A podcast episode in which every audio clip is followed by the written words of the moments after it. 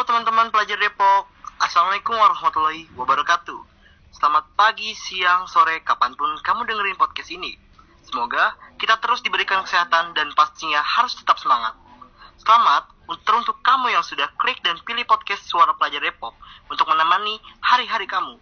Sebelumnya, kenalin, nama gue Zaki Maulana Fajri dari SMA Negeri 11 Depok, sekaligus pengurus di FKPD generasi ke-6 ini. Dan pada sesi kali ini, pastinya spesial banget nih karena kita bakal ditemenin oleh dua narasumber yang hebat pastinya. Ada dua ketua OSIS nih teman-teman. Yang pertama dari SMA Negeri 1 Depok. Hai Osama, gimana kabarnya? Halo Zaki, ya baik sih, alhamdulillah. Alhamdulillah. Dan ada satu lagi nih, nggak kalah keren ya pastinya dari SMA Negeri 3 Depok. Hai Rania, gimana kabarnya? Halo, alhamdulillah baik, Zaki. Oke, mungkin tanpa berlama-lama lagi pad- pasti pada kepo kan. Langsung cus kita tanyain aja nih teman-teman. Oh iya, sebelum itu kita kenalan dulu dong kan kita sesuai dengan kata patah tak kenal maka tak sayang. Mungkin bisa dimulai dulu dari Osama.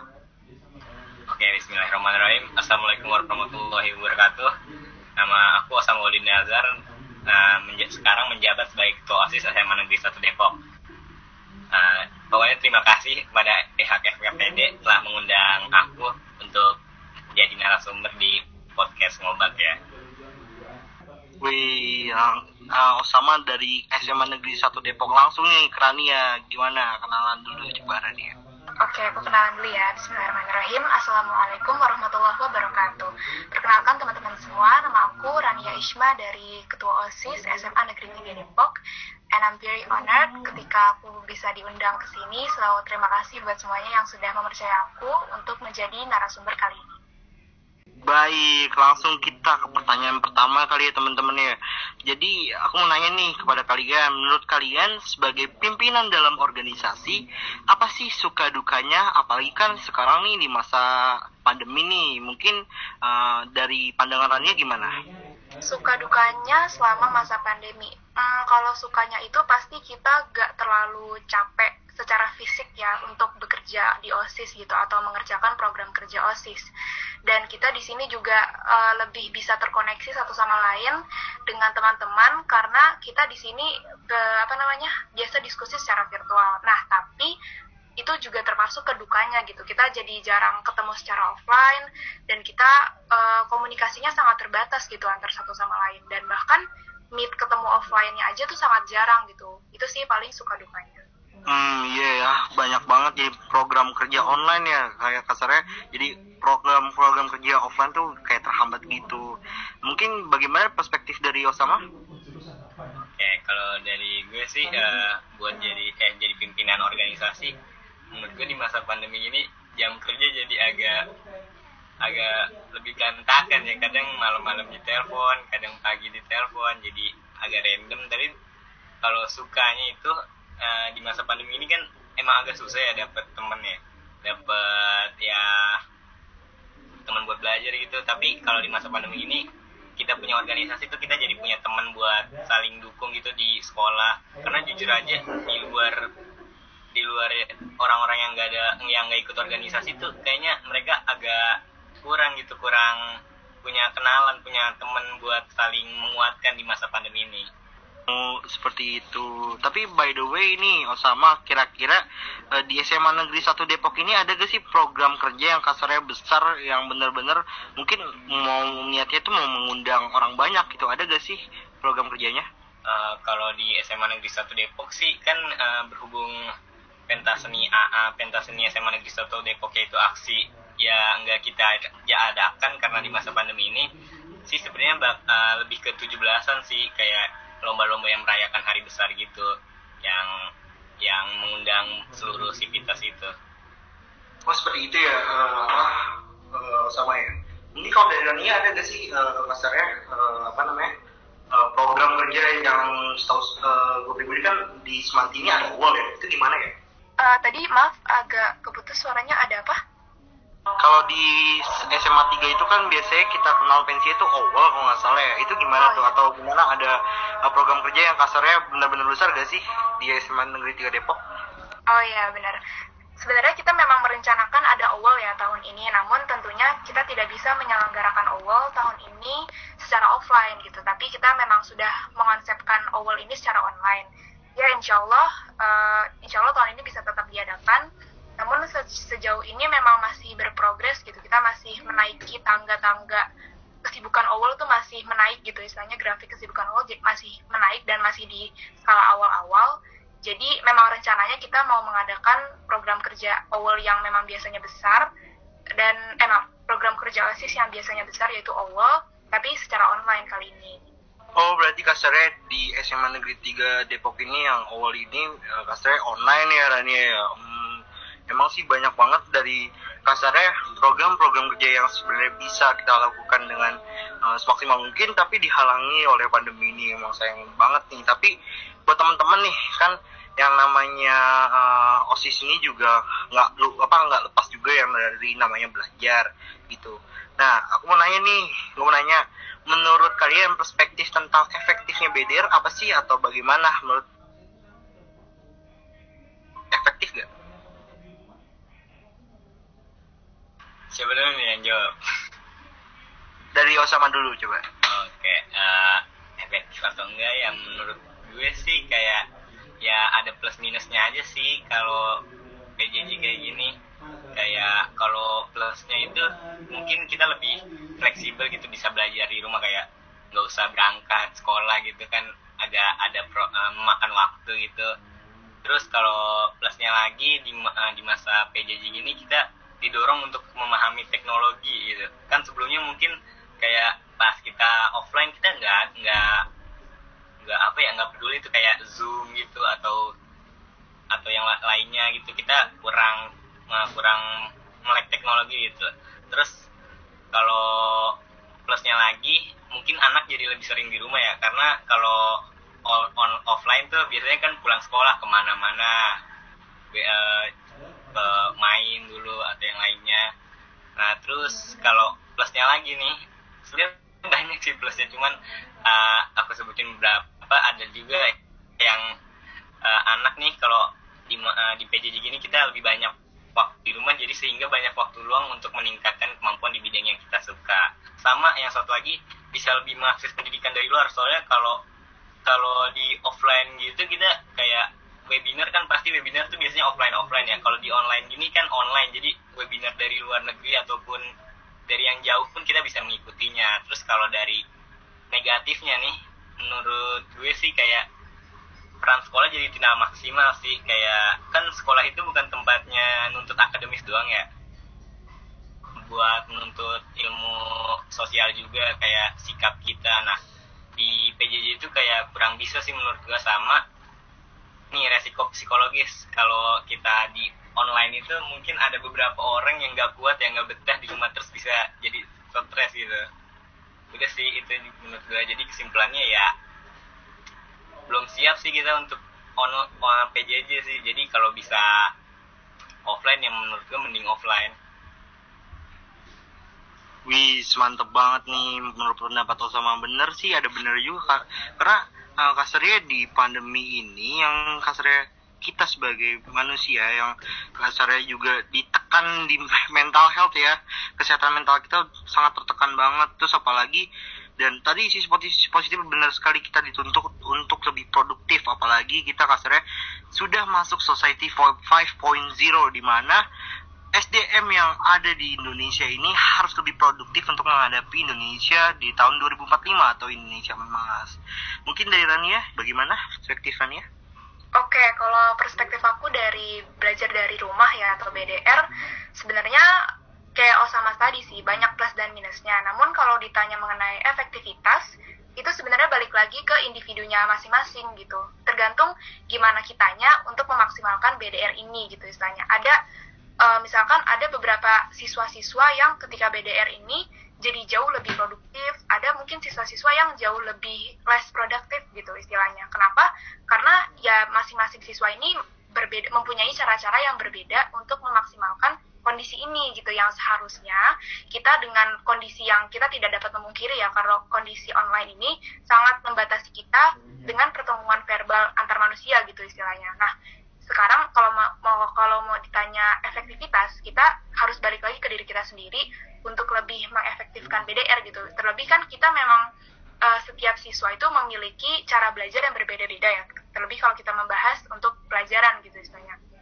Ada cara belajar yang memang lebih mudah untuk belajar sendiri ada orang yang lebih mudah dengan uh, belajar yang dijelaskan gitu istilahnya. Nah di situ uh, hal-hal seperti itulah yang sebenarnya mengakibatkan banyak sekali perbedaan dan banyak sekali siswa-siswa yang mengalami grafik penurunan dan penaikan gitu istilahnya di uh, masa BDR kali ini. Nah, kalau misalkan kita berbicara masalah uh, plus dan minus atau efek baik dan efek buruknya, tentu banyak banget gitu istilahnya. Kalau ya efek baiknya tadi, mungkin Osama sudah secara garis besar menjelaskan bahwa ya koneksi kita atau relasi kita itu lebih jauh lebih terbuka karena kita memang uh, berhubungan dengan koneksi internet ini gitu koneksi jejaring maya yang sangat membuka relasi kita gitu kita bisa ikut uh, webinar atau konferensi internasional kita bisa berhubungan dengan teman-teman yang ada di luar daerah kita dan seterusnya dan itu akan jauh lebih mudah ketika memang diakses secara online gitu. Nah tapi secara minusnya itu ketika kita masuk menarik lagi ke masalah sekolah itu tentu um, mental health kita atau secara apa ya namanya secara garis secara moral moral dari individunya itu mungkin ada yang berkurang gitu atau deteriorate gitu. Karena ya itu lagi itu balik lagi karena kita tidak dipantau gitu secara langsung oleh individu lain untuk melakukan sesuatu misalkan gak dapat dipungkiri lagi ya pasti di di masa-masa online ini banyak sekali siswa-siswa yang mencontek atau melakukan ketidakjujur ketidakjujuran gitu nah hal-hal yang kayak gini tuh tentu mengakibatkan banyak individu yang mengalami penurunan dalam grafik sosialnya walaupun dia mungkin bisa dilihat oh nilainya bagus oke okay. tapi ya secara uh, pemahaman ilmu dia tidak sebagus nilai yang tertulis di, di rapotnya mungkin seperti itu nah itu hal-hal yang seperti itu sebenarnya bisa dihindari dengan memaksimalkan kesempatan pada individunya masing-masing gitu istilahnya lebih ke kesadaran sih gimana caranya kita sadar bahwa masa kayak gini itu um, sangat terbatas gitu istilahnya. Dan kita gimana caranya memaksimalkan kondisi seperti ini dengan fasilitas yang sudah kita punya. Dan kalau bisa kita membantu justru teman-teman kita yang memang kesulitan untuk dalam belajar dari ini gitu istilahnya. Itu sih kalau dari pandangan aku. Hmm, bagus banget nih pandangannya dari Irania. Bener teman-teman kalau misalkan pada masa pandemi ini adalah menjadi satu kesempatan untuk kita lebih produktif kasarnya dan dari juga kata Rania kalau misalkan andai kata ada yang malas ada yang bagaimanapun itu balik lagi pada individunya masing-masing. Oke. Baik untuk pertanyaan selanjutnya nih buat teman-teman ketua osis yang hebat-hebat ini.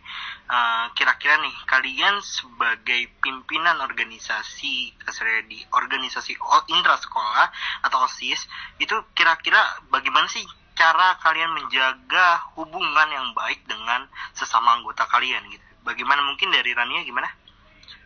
Oke, kalau dari aku sih kita tentu uh, susah ya memang kalau dalam kondisi online ini berinteraksi secara offline.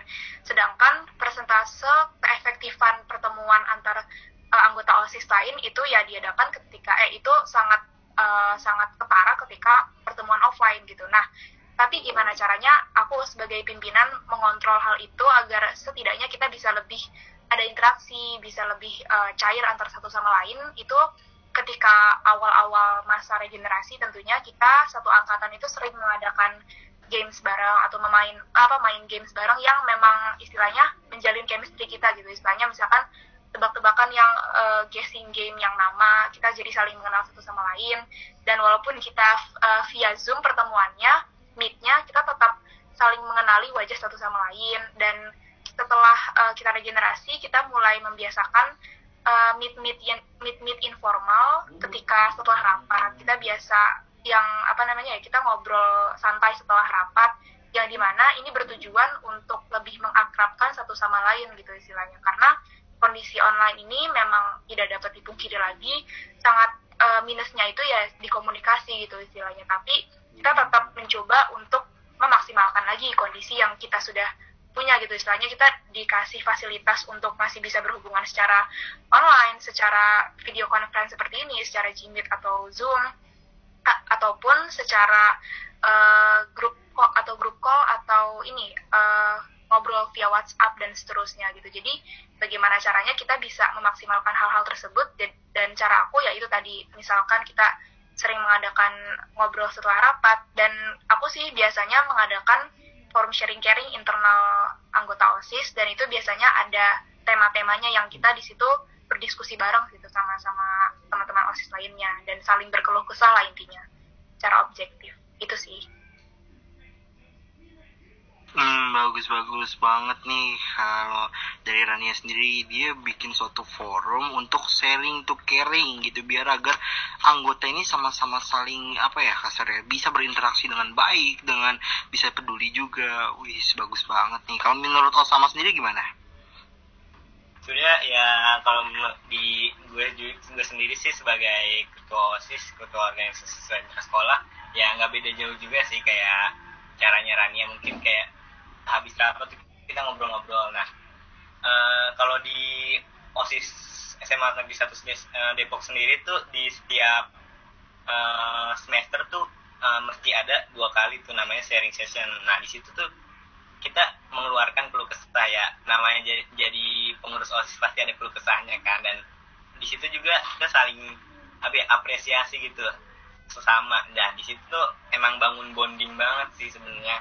Dan kalau dari dari organisasi gue juga kan ada yang namanya inti tuh inti osis. Nah di situ kita tuh abis nah di semansa ada rap, namanya rapat bulanan. Nah setelah rapat bulanan itu kita kayak internalisasi. Namanya tuh internalisasi buat pendekatan ke anggotanya biar mereka tetap merasa kayak oh gue ini dipeduli ini nih bukan tentang kerja doang emang emang mereka tuh peduli sama gue jadi kita saling membangun rasa kepedulian gitu bukan kayak gue butuh lu buat kerja doang tapi kayak gue butuh lu karena lu keluarga gue gitu. Jadi gue membangun mindset itu sih di pikiran anggota gue itu aja gue mah. Wis mantep juga.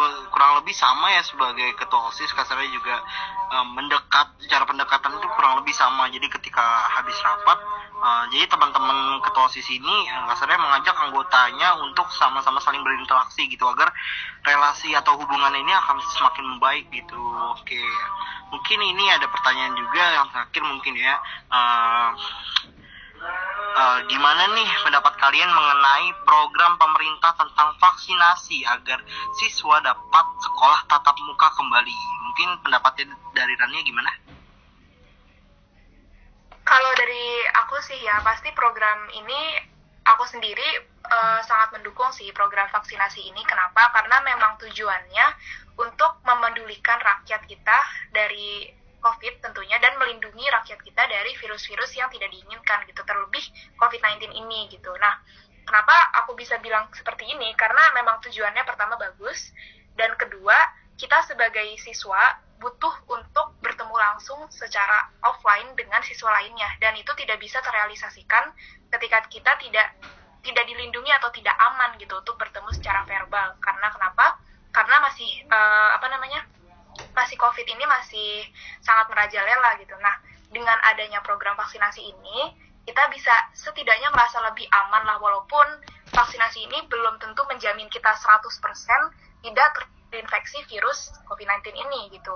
Jadi tapi setidaknya ketika kita disuntikan vaksin kita bisa uh, berinteraksi secara langsung dengan teman-teman kita di sekolah misalkan kita sudah ada sudah ada perintah atau ya dari pemerintah untuk bertemu sekolah offline lagi dan kita sudah divaksinasi semua dan sudah uh, sudah ada tamengnya gitu untuk masing-masing individu agar kita tidak terinfeksi dengan virus yang uh, eh, COVID-19 ini yang sangat berbahaya tentunya dan bukan hanya kita mengamankan diri kita ketika divaksin tapi kita juga mengamankan keluarga kita, orang-orang yang kita sayangi dari virus-virus ini karena kita tidak pernah tahu mungkin kita yang kita sebagai uh, individu membawa virus yang virus COVID-19 ini tanpa kita sadari gitu. Namun kita tidak mengalami gejala itu dan gejalanya cepat hilang namun virusnya sudah menyebar kepada orang lain gitu. Nah, itu kan kita tidak pernah tahu. Nah, dengan adanya program ini tentu menanggula sangat apa ya menghambat lah meng, mempres virus ini dari lebih menyebar. Dan tentunya harus dibarengi dengan komitmen uh, komitmen rakyatnya gitu terlebih kita sebagai siswa. Kita sebagai siswa juga uh, pastinya butuh untuk meet secara offline tadi dan dengan adanya program vaksinasi kita akan bisa lebih mudah gitu untuk melakukan pertemuan offline tersebut gitu untuk sekolah. Dan kitanya juga harus tetap menjaga uh, protokol kesehatan gitu walaupun kita sudah divaksin tidak menjamin kita tidak terkena virus tersebut gitu jadi dari kitanya pun juga harus tetap berkomitmen untuk uh, menjalankan protokol kesehatan gitu. Hmm, baik-baik. Kasarnya uh, Rani sendiri mendukung nih uh, program vaksinasi yang dijalankan atau digencarkan oleh pemerintah kita. Mungkin gimana pendapat dari Osama?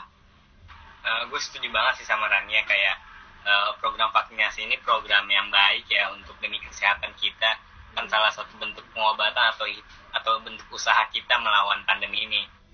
Namun menurut gue sih kayak uh, pendekatan buat vaksinasi ini dengan uh, harus lebih persuasif sih. Soalnya yang gue baca-baca sih ada yang mewajibkan dan menerapkan hukum pidana. Soalnya ini kan hal baik ya. Menurut gue kayak lebih persuasif aja kayak menumbuhkan kesadaran masyarakat industri ya, masyarakat itu sendiri. Kayak penyuluhan edukasi. Soalnya banyak banget di masyarakat Indonesia yang kurang edukasi tentang vaksinasi itu sendiri sih menurut gue nah terus uh, kalau menurut gue program vaksinasi ini ya yang kita ketahui ya mencegah penularan. Kayak bentuk herd immunity kalau konteksnya yang sedang pandemi ini. Karena hidup di tengah masyarakat kan prinsipnya bukan hanya untuk menyelamatkan diri sendiri kan ya tapi juga untuk membantu orang lain yang membutuhkan perlindungan ya. Jadi ya gue sih setuju banget. Cuman mungkin penegakannya lebih kayak edukasi gitu dibanding kayak mewajibkan. Karena kalau orang dipaksa juga lebih nanti malah males kan. Jadi kita harus lebih merangkul bukan mewajibkan sih buat program ini.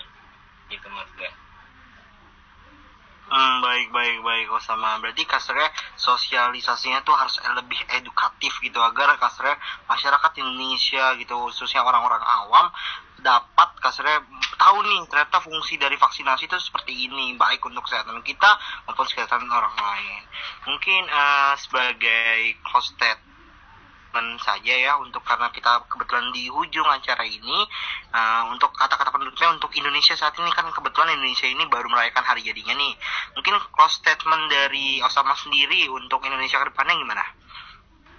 Oke kalau menurut gue sih kita warga Indonesia masyarakat Indonesia menurut gue lebih harus saling peduli dan saling merangkul dan yakin kalau kita bisa bangkit lagi dari keterpurukan ini itu aja sih menurut gue.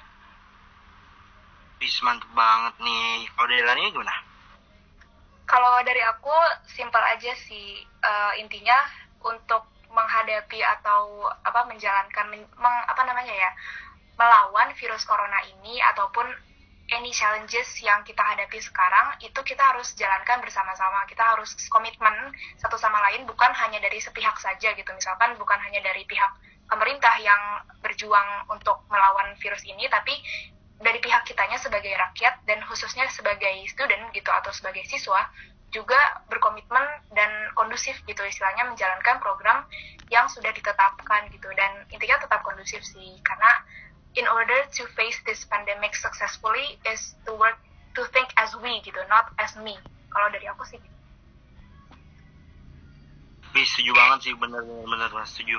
Uh, tuh teman-teman bisa didengar nih hasilnya narasumber kita pada hari ini hebat-hebat banget dari statementnya, dari pemaparannya, dari ide-ide atau narasi yang mereka kasarnya paparkan itu benar-benar substansinya jelas gitu dan kasarnya mereka-mereka ini wah benar-benar hebat deh pokoknya.